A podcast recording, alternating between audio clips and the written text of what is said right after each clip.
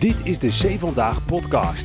De nieuwspodcast waarin je hoort wat christenen in Nederland bezighoudt. Welke items komen in deze aflevering ter sprake?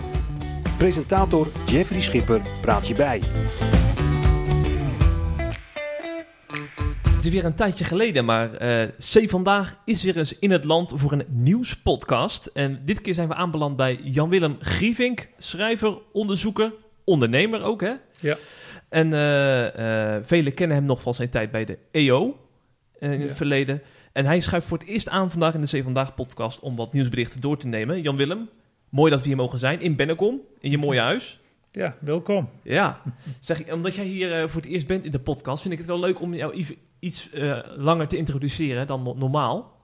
Eh, wat, wat, wat heb jij allemaal op je cv staan? Op cv staan boerenzoon. Ja, Dat staat er ongetwijfeld op, want ik zit veel in de foodsector, dus ik vertel dat elke keer. Die al vroeg wist dat hij niet de boerderij van zijn ouders wilde overnemen. Militaire dienst in, opgeleid tot piloot, waarnemer in die tijd. hè, Piloot waarnemer boven het maaiveld vliegen. En nu zie ik pas hoe relevant dat is, want eigenlijk ben ik dat blijven doen. Hè. Dat is Mhm. dingen in een samenhang zien, nooit geïsoleerd, maar altijd in een samenhang zien. Ga ik met jou ook over hebben, in samenhang zien. kijk. En zo ben ik in de foodsector gekomen als piloot aangenomen door een supermarktondernemer die eh, rondvluchten voor zijn klanten wilde organiseren. Maar ja, daar kwam natuurlijk niks van terecht. Want de overheid had nooit zo'n mal idee gehoord dat je een on- supermarktondernemer rondvluchten voor zijn klanten ging organiseren. Dus die begon met allemaal bezwaren en eh, rapporten en vergunningen. En toen zei die ondernemer van Jan Willem, kom maar gewoon bij mij werken. Want dat idee van, eh, van die vliegtuigrondritjes, laten we maar varen. Ja, ja, ja, ja. ja. Nou, zo ben ik in de supermarkt terechtgekomen. Daar eh, heel lang nog tot de, eigenlijk tot de dag van vandaag actief. En daarnaast eh, heb ik inderdaad een uitstapje gemaakt bij de EO. Als interim directeur. Dat is ook alweer een poos geleden. Dat is in 1994. Interim directeur geworden. Ik ben er tot 2005 geweest. Want ik heb nog een heleboel andere dingen daar ook gedaan. Maar altijd part-time. Naast dat ik gewoon in de foodsector actief bleef. ja. Nou, daarna schrijf ik boeken, schrijf ik, eh, eh, ja, preek ik, doe ik onderzoeken. Ik En je preekt, les. je preekt in evangelische gemeentes voornamelijk, toch? Eh, ja, evangelische ja. gemeente, baptistengemeente. Ja. Ja. ja. Mooi. Nou, eh, je zit niet stil, dat hoor ik wel. Genoeg, genoeg om eh, te doen in het Koninkrijk. zo is dat. Ja, mooi. En eh, ondertussen volg je natuurlijk ook de actualiteit op de voet. Want je bent ook iemand die het nieuws graag in de gaten houdt. Ja. Dus er komt nog wel van pas in deze podcast. En ik stel voor dat we beginnen met onze rubriek. Dat is de ergernis van de week.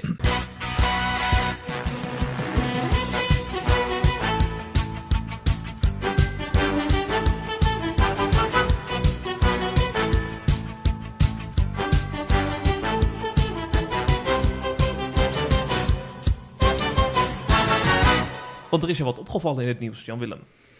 Ja, dat kan natuurlijk eh, niet missen dat, eh, zoals Extinction Rebellion, het je protesteren op de A12 en dan niet zomaar, maar elke dag. En het aankondigen dat ze dat blijven doen totdat ze hun zin hebben, want daar komt het eigenlijk op neer. Dat is één kant, maar de tweede is dat christenen daar aan meedoen. Eh, Een predikant zelfs een dienst heeft gehouden daar. Is het Alex Wikke van de PKN? Ik weet niet eens meer precies Oh. wie het was. Mhm. ja. Kijk, dat, eh, even oppassen dat ik mezelf daarin goed neerzet. Ik ben eh voorverantwoord omgaan met de natuur en de schepping. Ik ben niet iemand die dat ontkent. Maar ik vind er iets fanatieks zitten in al die protesten. Het lijken wel moderne kruisvaarders. En eh, ik heb er een poosje over na zitten denken. Dat vroeger was je er in die tijd. Je hebt allemaal die kruisvaarders gehoord. Die wilden ook het goede doen. Maar eh, dat deden ze op een totaal verkeerde en zelfs achteraf zeer verderfelijke manier. En ik heb het idee dat dit iets kruisvaarders in zich heeft. Ja, ja ik, ik kan niet ontkennen dat het klimaat verandert. Maar volgens mij is dat van alle eeuwen. Ik Ja. heb er van twee vragen bij van... eh, kun je nou schuldigen aanwijzen? Want dat doen ze. Ze wijzen schuldigen aan. En er wordt heel verschillend over gedacht. Er zijn echt geleerden, wiens vak dat is, die er heel fanatiek verschillend over denken. Het lijkt wel alsof die controversies over zo'n onderwerp alleen maar groter worden. En wij hollen dan, we kiezen er een eentje uit en dan hollen we mee met zo'n mening. Terwijl je er zelf in niet kunt verdiepen. Dat bestaat gewoon niet. Je kunt je niet in verdiepen of dat allemaal waar is wat ze zeggen. Dus je moet mensen geloven. Dus dat is het ene wat ik vind dat je, en dat, die dominee ook niet en die christenen kunnen dat ook niet doen, ze hollen dus mee. En het tweede is, van, nou, hebben wij nou zoveel invloed op dat klimaat vanuit Nederland? Dan wordt er twee, twee tienduizendste graad, hè, wat wij in Nederland doen, zou dan bijdragen. Dat je daar 36 miljard voor over hebt om dat tegenaan te gooien. ik vind het een beetje een illusie. Het kost gewoon miljarden. Maar ze kunnen toch ook mensen wakker schudden hiermee, deze uh, goed bedoelde mensen? Ja, maar wakker schudden waarover? Dat wordt toch sowieso wel gedaan. Maar wakker schudden over het stoppen van fossiele uh, subsidies, dat is wat ze dan zeggen. Maar er zit natuurlijk een agenda achter, ze willen meer. Ze willen gewoon hun gelijk hebben. Ik heb het idee dat je als christen, het gaat mij om christen, hè, mensen die dus echt uh, van overtuigd zijn dat ze iets moeten doen, daar heb ik het niet over. Maar als christen vind ik dat je een andere opdracht hebt. Als je dezelfde fanatisme zou neerzetten in het getuigen zijn van de koning, dan zeg je nou. Kijk, we zijn, de Bijbel zegt, dat vinden we niet zo leuk, maar we zijn op aarde vreemdelingen. Nou, dit lijken me niet echt vreemdelingen, wel vreemd gedrag, maar niet vreemdelingen wat ze doen. Je ziet wereldgelijkvormigheid, zie je hierin, begrijp ik. Ja, ik vind sowieso dat daar zijn we allemaal mhm. vatbaar voor. Maar dit helemaal, want je pakt een ideologie. Het is echt een ideologie. De hele woke ideologie is een ideologie. En bij dit stukje, dat, als christen vind ik dat je moet realiseren dat het God is die uiteindelijk de aarde gaat repareren. Er staat hele grote stukken over, zowel in het Oude als het Nieuwe Testament. Herscheppen als je dat wil. En ik, dat vind ik een enorme troost. Betekent niet dat je dus maar je kop in het zand moet steken. Dat wordt me altijd verweten. Nee, je moet verantwoord omgaan met, uh, met de schepping, met de dingen die je kunt doen. Maar het repareren, op de stoel van God gaan zitten, dat vind ik echt een, uh, een stap te ver gaan. Het laatste nieuws uit Christelijk Nederland bespreken we in de C Vandaag podcast.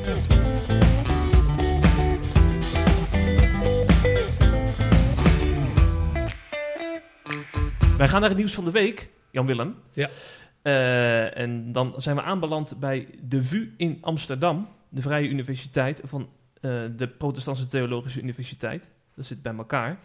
En uh, theoloog Bram van der Beek was in het nieuws, omdat hij volgens zijn medestanders is gecanceld met zijn boek genaamd De Kring rond de Messias.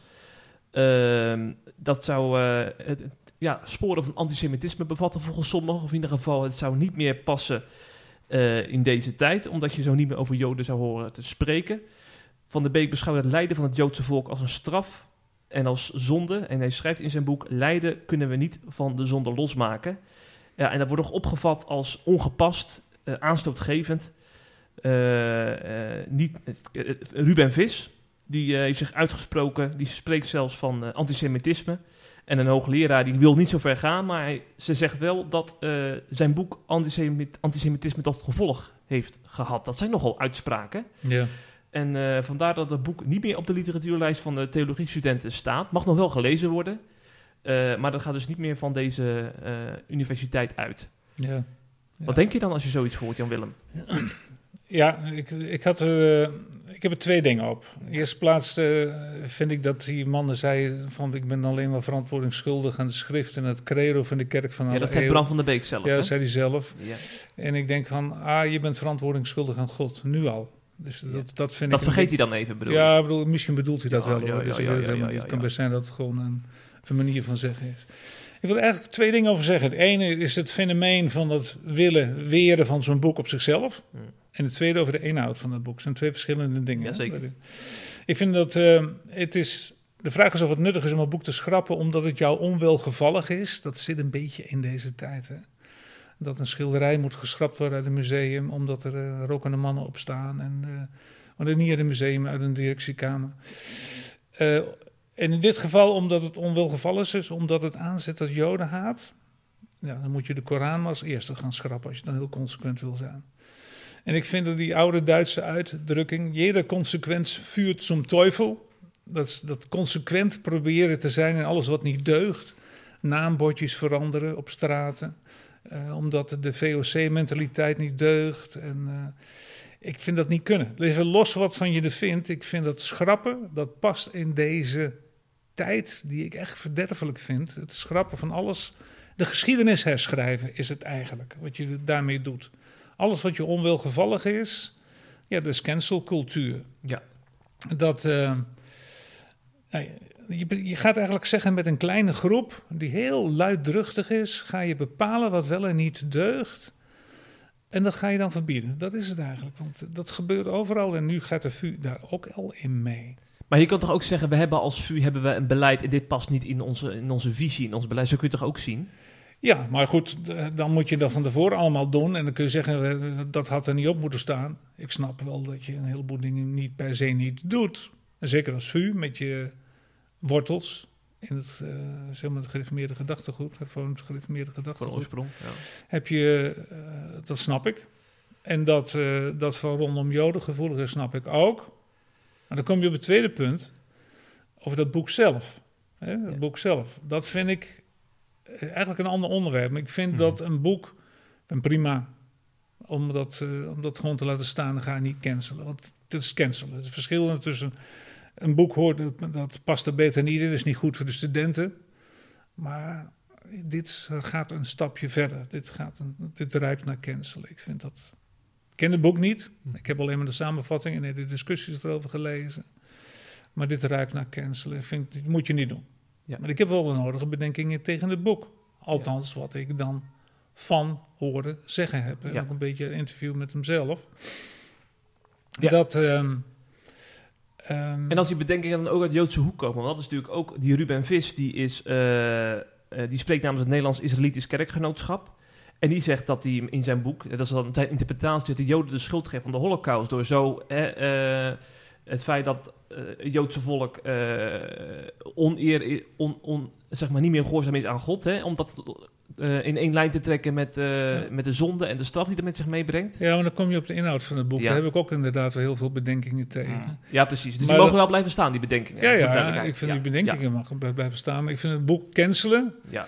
Uh, dan, dan, twijfel je dus ook aan, aan, aan, de, aan de schrijver zelf. En dat is, nou, ik vind daar geen aanleiding toe. En in zo'n college kun je natuurlijk juist daar ook over praten. Ja. Dat is natuurlijk ook het idee, zou, lijkt me toch? Ik zou er uh, het gesprek over aangaan, het debat gewoon aangaan, zonder hem van tevoren al in een, in een hoek te zetten van deugd niet. Want dat past in deze tijd en dat is een beetje een punt. Maar nu naar de inhoud van het boek toe.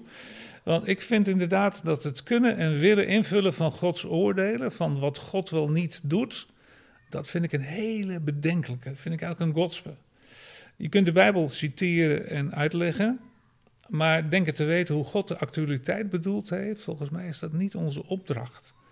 Uh, ga het gesprek maar aan erin. Uh, want hoe lang duurt het dan als je dat uh, even naar die, naar die dingen toe, hoe lang duurt het voor je überhaupt dingen krijgt waarmee je ook de Bijbel wordt verboden, omdat de onwelgevallige dingen in zitten?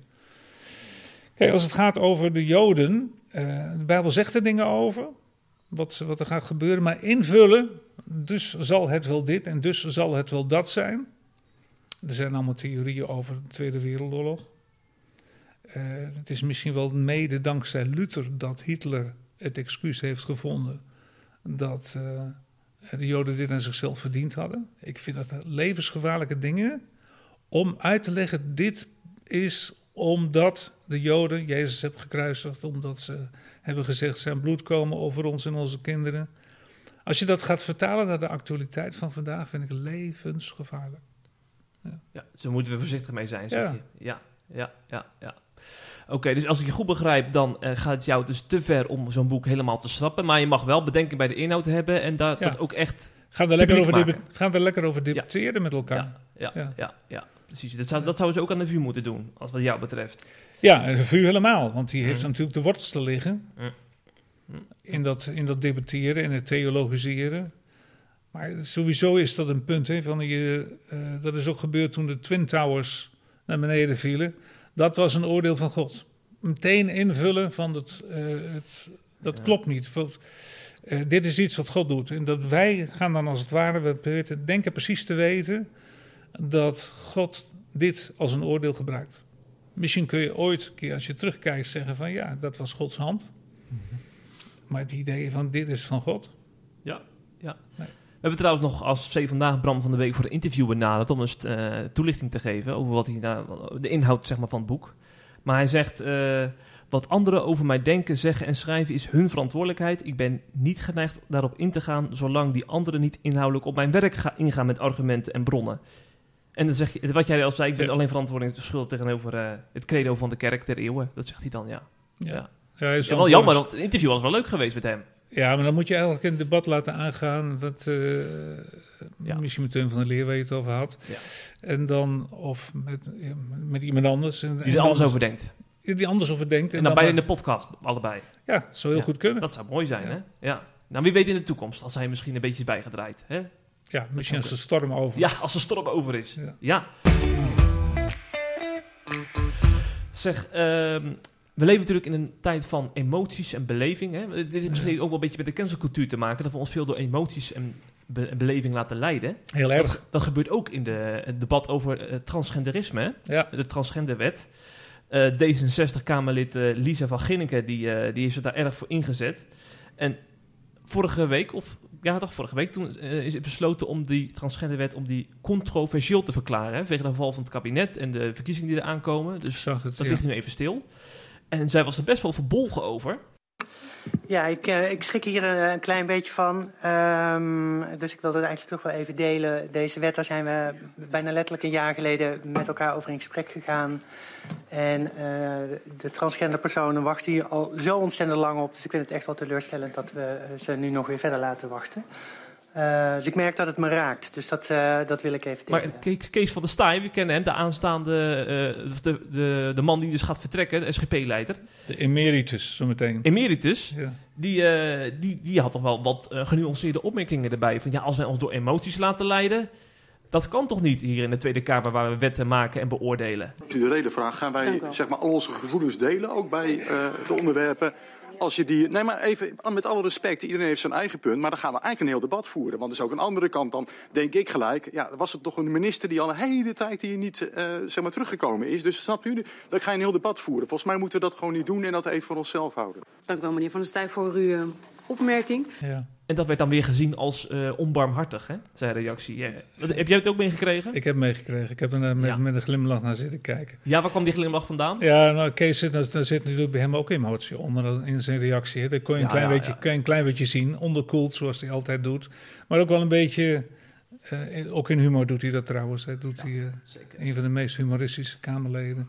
Waarin je onder de laag moet kijken wat hij eigenlijk bedoelt. En eh, Lisa van Ginneken, die, eh, ja, ze staat nu heel laag op de D66-lijst, zag ik. Hè. Misschien wordt ze wel gestraft voor haar fanatisme. Ik weet het niet, dat is. Ik vind het fanatiek van haar. Dat, dat hoort bij Woke. Ze heeft gelijk. Mijn gevoelens zijn belangrijk. Dat moet centraal staan. En jij moet niet alleen mijn gevoelens respecteren, maar je moet er ook rekening mee houden. Sterker nog, mijn gevoelens moeten wettelijk beschermd worden. Dat denken, hadden we straks al even over, dat, dat is het woke denken. Ik heb gelijk. En uh, weet je als jij mijn gelijk niet het recht geeft, sterker nog beschermd moet worden. In plaats dat het keurig netjes onder debat zou moeten vallen. Dat zit erin, want ze heeft fanatiek gestreden daarvoor.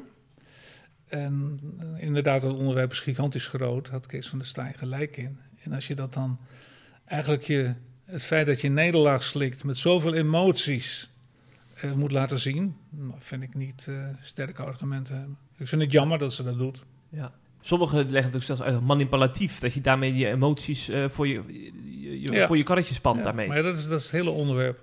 Hm. Mijn gevoel moet serieus genomen worden. Sterker nog, het moet beschermd worden. En alweer als je er anders over denkt, dan heb je mij gecanceld, heb je mij afgeschaft. Dat zit daarin. Ja. Nou, en dat, dat, is natuurlijk het gewone normale denken in de wereld al. Dat gevoelens zo belangrijk zijn geworden. Maar het wordt wel gevaarlijk. Het is een christelijke podcast. Dat je als christenen in dat denken mee zou gaan. Wordt gevaarlijk. Het is ook wel lastig voor christelijke partijen als dadelijk weer verkiezingsdebatten zijn. Ja. Om dan principieel te blijven bij dit soort punten en niet in de emotie dan mee te gaan. Ja. Wat, wat zou je hem meegeven dan daarin? Je, je wordt heel snel zul je denk ik als christenpartij verdacht worden dat je een groep mensen niet serieus neemt als je rationeel over dit onderwerp gaat praten. Want voor hen zijn het gevoelens, gender is gevoelens. En uh, als je daar rationeel over gaat praten, word je heel snel als koud en koel neergezet. Terwijl het toch echt wel een debat is. Een debat waard is. Ben je dat wat je voelt? Dan kun je zelfs als niet-christen afvragen. Ben je nou dat wat je je voelt? Als christen moet je dat helemaal afvragen. Want je bent niet dat wat je voelt, maar je bent hoe God naar je kijkt. Hè, dat ben je over je identiteit, opnieuw geboren. Maar dat is even iets anders. En dat debat kun je nooit voeren als christen-politicus, want daar snappen ze helemaal niks van. Dus je moet het met rationele argumenten doen. En dan zul je denk ik heel snel als ijskoud of een ijskonijn neergezet worden door die, gevoel, door die groepen die zo gevoelig zijn op dit soort onderwerpen. Ja. Ik ben benieuwd hoe toekomstig SGP-leider uh, Christoffer, die het stokje Ja. overneemt van Van der Staaij, hoe Ja. die dat gaat doen. Hè? Want dus als onervaren leider is dat wel een, een uitdaging.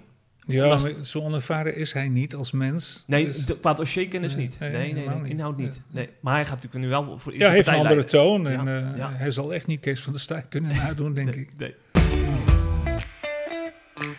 Als we het toch over de belevingscultuur hebben, eh, daarin worden ook natuurlijk steeds vaker grote woorden gebruikt. Hè? Als het dan gaat over eh, de hel, daar gaan we het namelijk nu over hebben, dan wordt dat vaak toegepast op, op actuele ontwikkelingen. Hè? Zoals als, er, als er een of andere grote bosbrand is, van de, de hel op aarde, hè? dat soort termen. Ja, En dat heeft eh, Arnold Huigen, eh, hoogleraar eh, van de PTAU, heeft dat gebruikt in zijn reden om aan te geven dat de hel nog altijd actueel is. En dat je daar ook als christen op in mag spelen door duidelijk te maken ja, dat de hel nog altijd een onderwerp is waar we het over moeten hebben als christenen. Hè? Hij, hij, hij zegt ook, Arnold Huigen, dat we het eigenlijk te weinig over de hel hebben. Zullen we daar eens even mee beginnen, ja. Jan Willem? Hebben we daar Ja. te weinig over? Ja, kijk, over dat, dat spreekwoord, eh, die komen natuurlijk heel vaak in de Bijbel. Ik vind het wel grappig. Nu pakt hij de hel bij, de hel van deuren en wielentermen zitten er ook heel veel in. Maar ja, je hebt ook, eh, de Bijbel zit zo vol met uitspraken die in, als spreekwoorden in onze samenleving terugkomen. Ja, ja. Iemands vurige kool op iemands hoofd hopen, of waar het hart vol van is, loopt de mond van over. Allemaal Bijbelse uitspraken. Maar daar gaat het natuurlijk niet om. Het is wel grappig dat hij dat als bruggetje gebruikt om een onderwerp aan te kaarten. Mhm. Dus hebben we te weinig over de hel? Ja, misschien wel. Ja, Ja. ja. En vandaar dat hij ook binnenkort met een boek komt, een essay erover. En hij heeft ook een interview gegeven in een Nederlands dagblad. Ja. Over wat de hel nou volgens hem is en eh, waarom, eh, wat de functie van de hel is. Eh, ik heb dat interview ook naar je toegestuurd, ja, ik Jan heb Willem. het gelezen. Ja. Eerste, een eerste indruk voordat we er inhoudelijk op ingaan. Ehm,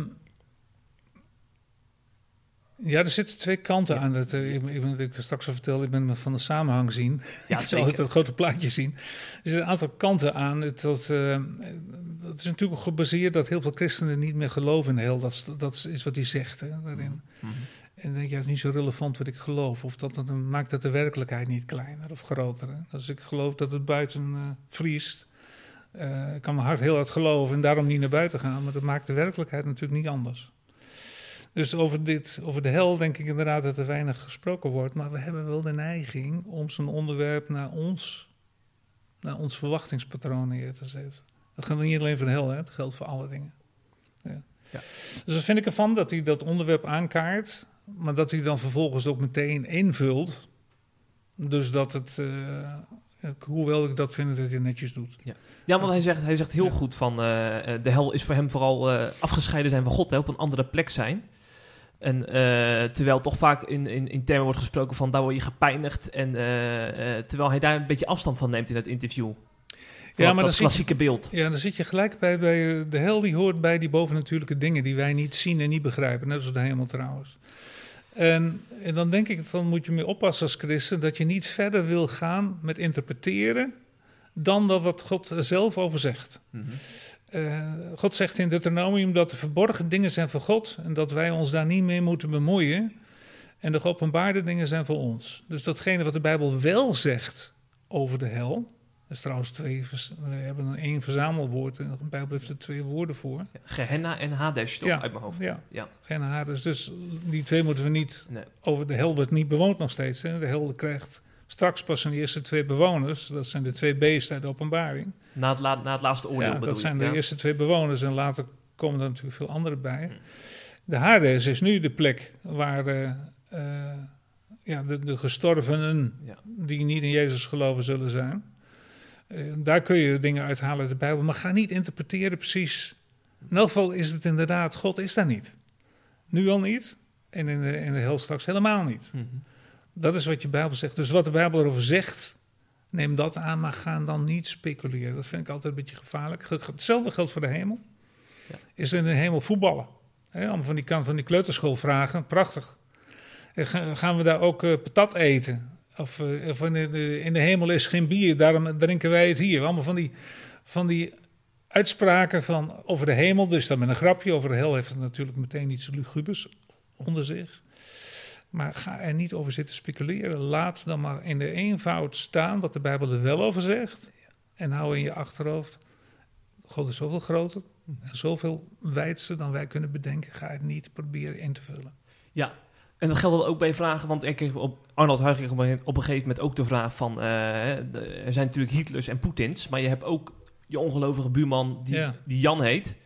Eh, gaat hij dan ook in de hel terechtkomen? En, en toen zei Huig ook zoiets van, ja, dat oordeel wil ik toch wel echt aan God overlaten. Daar ga ik niet over. Nou, dat heeft hij heel goed. Want dat Ja. is ook een. Kijk, ons gerechtvaardigheidsgevoel is niet de norm van God. Hè? Ik, ik onthoud altijd dat hele eenvoudige zinnetje dat ehm, één kleine zonde in Gods ogen is erger dan alle zonden van de hele wereld in onze ogen. Met andere woorden, wij kunnen die maatstaf van God niet pakken met ons verstand. En dat moeten we ook niet proberen te doen. Wij zijn mensen en God is God. En eh, die logica die hij hanteert, eh, die begrijpen wij niet, maar we zien wel heel veel dat onze logica ook in de hele Bijbel niet past. Wij zouden nooit eh, Jezus uit de stam van Juda hebben laten komen, om een voorbeeld te hebben. We zouden Jozef kiezen. Hè? Niet Juda, degene die hem verkocht heeft. En, en zo gaan, zijn er eindeloos veel meer voorbeelden. Een prostituee in de geslachtsresten van Jezus. Dat is niet onze logica. Dus wij kunnen zijn logica niet volgen en dat moeten we ook niet, helemaal niet proberen. Ook niet over zo'n onderwerp als de hel. Nee, Nee. nee, nee, nee. Wie komt daar wel even niet in? Is dat voor jou eigenlijk een, een, een ding geweest in het verleden? Want eh, er zijn veel mensen die zijn een beetje met een trauma daarmee opgegroeid. Hè? Van angst voor de hel hebben en zo, dat je daar ooit terecht zou kunnen komen. Hoe is dit dan bij jou? Eh, nee, ik ben dan niet met angst, maar wel dat de Bijbel tig keer, Jezus heeft het volgens mij vaker over de hel dan over de hemel, dat het een waarschuwing is, blijf, zie dat, dat er ergens een straf zal zijn op een plek waar je niet moet komen. Dat, laat ik het er maar zo oppakken. ver van God verwijderd bent. En dan moet, kun je niet genoeg over nadenken. Dus, en dat er dominees zijn die dus hel en verdoemenis preken als... eh, ja, vaker wordt het trouwens meer in, eh zo dat, in karikaturen over bericht dan er echt over gesproken wordt. Maar ik weet natuurlijk dat daar mensen een trauma aan hebben overgehouden. Hebben hier aan tafel genoeg gehad, die Mhm. met zo'n godsbeeld zijn opgegroeid. Ja. Jouw rol als coach bedoel je als... eh, Ja, we, we Als helpen mensen om hun rugzakken op te Ja, ruimen, Jook ja. en ik. En eh, we hebben hier aan deze tafel waar jij nu zit, eh, echt wel heel veel mensen gehad die met dat godsbeeld amper kunnen geloven dat God van ze houdt. Nee, dat kunnen ze niet geloven. En dat is de vrucht van wat zij dan noemen hel en verdoemenis spreken. Maar dat bet- betekent niet dat hel dus maar dat je door moet slaan naar de andere kant en de hel gaat nuanceren. Maar mag je het wel concreter maken? Want bijvoorbeeld in het interview kwam ook ter sprake van... eh, stel je wordt als, als eh, kind op school gepest... dan is op, dat moment is dat een helsituatie. Of de Belastingdienst die met de toeslagenaffaire... eh, een scheve schaans heeft gereden. Voor die toeslagenouders is, is dat een hel op dat moment. Dan maak je het wel concreet op die manier. Ja, maar dan ga, gebruik je een woord, dan maak je een, een woord waar de Bijbel het over heeft als iets heel afschuwelijks. Ja. Gebruik je dan als metafoor om jouw kleine pijnlijke situatie, Mhm. die trouwens op dat moment voor jou ook heel groot is, om dat als het ware te vergelijken. Dat vind ik dan verkeerd. Het is wel grappig. Je wil wel uit elkaar houden, jij, eh, Ja, het is, het is hartstikke pijnlijk dat je gepest wordt. Mhm. En je kunt trauma's overhouden aan dingen die jou. Maar je, je zult maar. eh, nou ja, ik heb een, eh, een half jaar lang nekhernia gehad. Ik heb van- als grote man van, eh, eh, van 70 jaar heb ik hu- gehuild als een klein kind. Zoveel pijn. Ja. Ja, maar het idee dat, dat je dat kunt vergelijken met de hel, nee, dat wil ik, dat wil ik niet doen. En de hel is uiteindelijk toch de plek waar God niet is. Terwijl ook als je een nekhernia of een probleem hebt... dan kan God, kun je God wel ervaren in je, in je ellende en je. Ja, maar zelfs al ervaar je hem niet. Jezus heeft aan het kruis ook gezegd: Mijn God, Ja. mijn God, waarom hebt u mij verlaten? En op dat moment was hij niet in intieme relatie bij hem. Dat is denk ik de meest ultieme pijn die een mens kan hebben. Dat je God hem verlaten heeft. Maar als ik nekhernia heb, heeft God mij niet verlaten. Dat is Alleen anders. ik ervaar hem niet. Of niet altijd. Mhm. Maar dat is wat anders. Maar hoe, eh, stel jij moet, je moet een preek houden over de hel. Hoe leg je dat dan uit tegenover mensen tegenover je? Ja, dan zou ik in de eerste plaats wel in verdiepen dat de hel iets serieus is. En dat de Bijbel altijd zwart-wit is. Dat hij twee dingen schetst. Het is of de smalle weg of de brede weg. Dat was vroeger als kind. Hè? En ik denk dat dat zo is. Dat eh, wij met ons beperkte verstand moeten accepteren dat er een bovennatuurlijke werkelijkheid is. Die is er. En de hel hoort daarbij.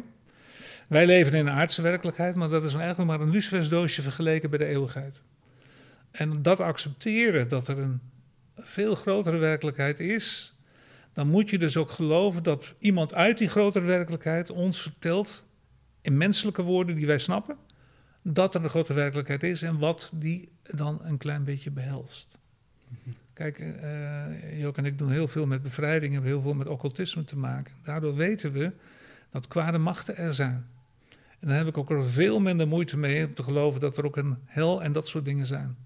We hebben gezien dat er duistere machten er zijn. Terwijl eh 95% van de hele wereld, zeker de westerse wereld, die vindt het allemaal flauwekul. Ja, dus, Ook heel veel christenen vinden het flauwekul. Mhm. Ja. dus aan te tonen dat er, dat er kwaad is, laat je ook de realiteit van de hel daarmee zien. Ja, er is kwaad, er is bovennatuurlijk kwaad. Mhm. Er is gewoon aards kwaad, wat we wel zien. En heel vaak zijn die met elkaar verbonden. Ik denk dat Hitler er een demon in zich had. Je had straks over Hitler. Eh, maar er zijn ook heel veel mensen die on- door demonen gekweld worden. Ja. Ja. Nou, En de troost, want eh, in zekere zin is het ook een troost dat, dat, eh, dat de hel er is, dat, dat al het kwaad dadelijk in die hel geworpen wordt, waar we niet meer mee te maken hebben dadelijk. ja, maar dat, dat, eh, daarvoor staat dat God een moment heeft dat hij rechtvaardig oordeelt. Mhm. En wat dan de gevangenisstraf voor de mensen die geoordeeld zijn is, dat moeten noemt de Bijbel de hel. Ja. Maar wat er precies is, dan moeten we maar loslaten. Aan God overlaten. Ja. Ja. Stel je voor dat wij hier nou voor, voor, eh, voor op de rechterstoel van God gaan zitten in de podcast. Dat moeten we niet willen, toch? Sowieso niet, hè? Nee. Nee, Wij, nee, wij moeten niet veroordelen. nee zeker, zeker. Maar Wel- mooi, Wel beoordelen trouwens. Dat wel mooi dat Arnold Huigen een aftrap heeft gegeven voor, voor een inhoudelijk gesprek over de hel. Hè? Want we hebben daar misschien toch iets te weinig over. Ja, Ja, als ik, kan, ik herinner me een boekje wat van David Pawson, dat was een hele bekende eh apologeet in de evangelische kring. Hij sprak heel vaak op opwekking. En die heeft een boekje over de hel geschreven. En dat heb ik nu niet teruggelezen naar aanleiding van de voorbereiding van de podcast. Maar dat heeft me toen ik dat las heel erg geraakt. En die, eh, en ook C.S. Lewis trouwens, die, heeft, eh, ja, die zeggen daar dingen over van vroeger al. Die wel behartenswaardig zijn. Ja, dus verdiep je er vooral in ook. Ja. Er zijn genoeg boeken eh, over te vinden. En binnenkort is het boek van Arnold Huigen. Ja. Dat verschijnt denk ik in november of nee, in oktober verschijnt dat. Bij Kok Boekencentrum. Ehm, wij gaan naar ons laatste nieuwsitem van de week, eh, Jan Willem. En daarvoor gaan we naar het beloofde land. Dat is een land dat jou ook een warm hart toedraagt natuurlijk. Hè? Jij, eh, Ja, bent ben ook- er geweest. Mijn Ja. jongste dochter heeft er heel lang gestudeerd. Afgestudeerd op de herbouw van de tempel. Kijk, We zijn er geweest in haar tijd Oh, dat ze daar was. En ze is er eh, een jaar en drie maanden geweest. ja, Ja. ja. Jericho is in het nieuws. Ja, Eh, want UNESCO, eh, dat uh, werelderfgoedplaatsen bepaalt, hè, dat wil Jericho gaan uitroepen tot Palestijns erfgoed. En ja, dat roept natuurlijk tot rumoer, leidt tot rumoer binnen Israël, want dat ligt nogal heel gevoelig, deze kwestie. En ik ga dan even een citaat aanhalen van de minister van Erfgoed in Israël. Die heeft zich hierover uitgesproken en hij zegt... Geen enkele persoon ter wereld die de Bijbel heeft gelezen... kan ook maar een moment denken dat Jericho losgekoppeld kan worden... van het erfgoed van het Joodse volk. Eh, deze ontkenning van de geschiedenis is een internationale schande, zegt hij. We zullen deze inspanningen van de Palestijnse autoriteit niet een handje gaan helpen. Eh, dus hij gaat er echt tegen in. Maar desondanks is UNESCO toch echt van plan om het aan te wijzen aan, aan eh, Palestijnen. Dan denk ik van, dit is alweer een kwestie wat elke keer weer opduikt, hè? Deze Ja. discussie. Kijk, dat is, eh, toen wij in Israël waren, kregen we rondleiding. En daar stond ergens een gebouwtje van eh, UNESCO naar VN op een heuveltje. En ik ben het woord kwijt, maar in het Joodse heeft dat ding een naam. En dan is het iets van iets kwalijks, een kwalijks varken of zo. Dat, en dat snap ik wel, omdat de VN, de Verenigde Naties en alle aan de VN gerelateerde organisaties Zoals UNESCO. zoals UNESCO, die voeren al heel lang een beleid tegen de staat Israël, tegen de Joden. Er is geen land ter wereld waar, uh, binnen, waar binnen de VN zoveel resoluties tegen zijn aangenomen als juist tegen de Joden. Meer dan tegen Noord-Korea, meer dan tegen Iran. Ja, ik heb ze opgeteld. Van 2015 tot 2020 zijn er 117 kritische resoluties tegen Israël aangenomen. En 35 tegen alle andere landen ter wereld samen. Zo. En eh, er zit iets fanatieks bij de VN en de VN-gerelateerde organisaties. dat het volk van de Joden, het land Israël, niet mag bestaan. En uh, nou, er is maar één club die dat ook vindt, dat zijn natuurlijk de Palestijnen die dat uh, vinden. Dus dat, dat, los je niet op door alleen maar hier tegen te zijn. Ik weet niet hoe je het wel op moet lossen trouwens, maar uh, ik denk dat er maar één kan oplossen, dat is Jezus zelf. Dus als hij terugkomt als koning. Maar ik kijk er met een geestelijke bril naar, ja. Ja, ja, ja. ja. ja want anders zou ik, anders, op een andere manier kun je het niet, kun het niet logisch verklaren dat, dat, uh, dat dus een onafhankelijke organisatie die voor vrede en recht staat, dat ze er zo fanatiek in staan. Dat is niet te verklaren met nee, menselijke dat, ogen. Dat is onlogisch. Ja. Maar het past in dat patroon. Al vanaf ja. 1948, sinds het ontstaan is, en eigenlijk daarna van, uh, sinds het ontstaan van de VN, Volkerenbond, is er iets fanatieks tegen dat kleine staatje Israël. Ja, ja, ja. ja. En uh, hoe kijk je zelf naar, naar, naar Jericho? Vind je dat dan uh, belangrijk om te duiden of om aan te wijzen of het wel of niet een uh, bijbelse plaats is? Of maak je dat weinig uit? Ja, kijk, dat je aangeeft dat het een plaats is die beschermd moet worden en dat je niet meer zo'n graf van, van, van Jozef of wie dan ook mag vernietigen. Dat begrijp ik nog als je dat doet. Maar dat, het, dat je dat in een Palestijnse handen legt die er nooit naar hebben omgekeken. Ja. Ja, dat vind het is ook een rotzooitje daar, las ja, ik, hè? Vind ik, vind ik dwaas. Jij ook als je verwaarloosd. Ik ben er één keer geweest. Dat, uh, dat kun je aan alle kanten ook zien. Dat is, wordt gewoon verwaarloosd. Er zit zo'n groot verschil tussen... Als je in dat land rondrijdt tussen... Als je dus onder de Palestijnse controle of de Israëlische controle... groot verschil. Hm. Niet alleen in welvaart, maar ook in liefde voor de cultuur. Liefde voor de... Ja, er zijn ooit uitzonderingen. We hebben ook wel... Uh, Palestijnse mensen gezien die met liefde vertellen daarover, over de omgeving. Maar in het algemeen interesseert het helemaal niks. Nee, nee. nee. Maar de Joden wel. Ja, ja, zeker, zeker. Christen voor Israël heeft hierover bericht trouwens. Dus die, dat is ook een, een club dat zich heel erg hard maakt hè, voor, voor het Joodse volk. Ja. En ook voor onrecht, die onrecht tegen hen aan de kaak stelt, ook op dit terrein. Dus uh, misschien goed dat dat gehoord wordt ook. Ja, ik vind dat we christenen sowieso daar aan moeten kijken. Want wij vergeten altijd als christenen één ding. Daar wil ik ook wel mee ja. afsluiten. Ja. Is dat uh, toen Gabriel naar Maria toe kwam en de komst van Jezus aankondigde, in Lucas 1. Toen zei hij iets wat we altijd overslaan.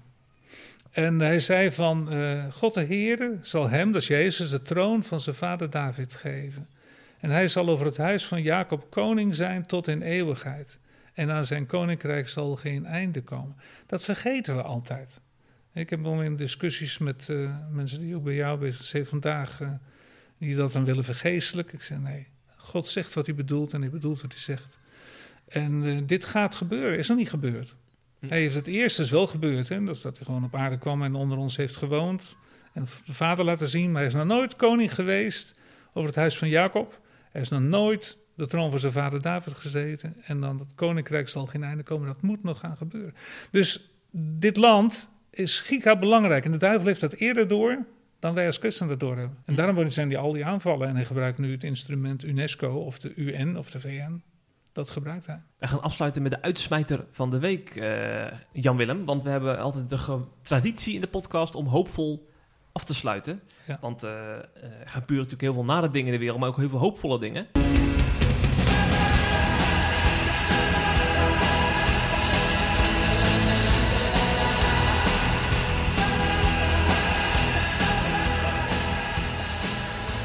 En daarvoor gaan we even naar Haiti. Daar was onlangs was er een ontvoering. Een christelijke hulpverlener en haar kind werden een tijd vastgehouden en gelukkig weer vrijgelaten. Hè? Ze zijn weer in goede gezondheid uh, thuis. Maar onlangs werden wij verrast door een videoboodschap van deze vrouw aan haar ontvoerders. En daar, daar wil ik even uit citeren, omdat ik het wel een heel bijzondere boodschap vind. Ja.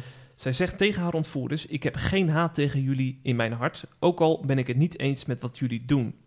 Zelfs als het losgeld is betaald en vanwege haar ontvoering en slachtoffers vrij zijn, laat dat wat gebeurd is een litteken achter in harten. Dat zal nooit meer weggaan. Ik begrijp dat jullie allemaal op zoek zijn naar vreugde, voldoening, macht, status om jullie leegte te vullen. Jullie hebben een gat in jullie hart. En jullie zoeken allerlei dingen om dat te vullen. Ehm, ik wil dat jullie weten dat die dingen jullie nooit echt zullen bevredigen. Hè? Dat geld en die voldoening en mensen, andere menselijke dingen. De enige manier om die leegte gevuld te krijgen is de liefde van Jezus Christus. Jezus is altijd bereid om je te vergeven. Het maakt niet uit wat je hebt gedaan. Het enige wat je moet doen is die liefde accepteren. Het wordt dan gevuld met zijn vreugde, vrede en liefde op een manier die je niet voor kunt stellen. Ik heb jullie in Christus lief en eens hoop ik jullie in de hemel een knuffel te geven. Dat zegt ze dus tegen mensen die haar wekenlang hebben vastgehouden. Ja, ontzettend veel respect voor. Ja. Nou, Ja, ja, daar word je toch alleen maar stil van. ja. Ja, je bent toch geneigd om te zeggen van nu moeten we wraak nemen op die mensen en eh, Ja. ze, moeten de gevangenis in. Maar Dus- dat zegt ze niet. De kracht van vergeving. Ja. Ja. Ja. Heeft Willem van der Kamp een mooi boek over geschreven, hè? vorig Ja, jaar over ja. vergeving. Ja. ook een aanrader van mensen die daar... eh, Amen, zo is dat. ja. Ja, Jan Willem, bedankt voor je bijdrage aan de podcast. graag gedaan. En voor mij betreft is het voor herhaling vatbaar. Dus wie weet komen we over een tijdje weer even naar binnen komen. Vind je dat goed? Heel goed. Hey, veel zegen, broer. Dank. Hopelijk heb je genoten van deze C Vandaag podcast. Volgende week is er weer een nieuwe aflevering. En blijf via cvandaag.nl op de hoogte van het laatste nieuws uit christelijk Nederland.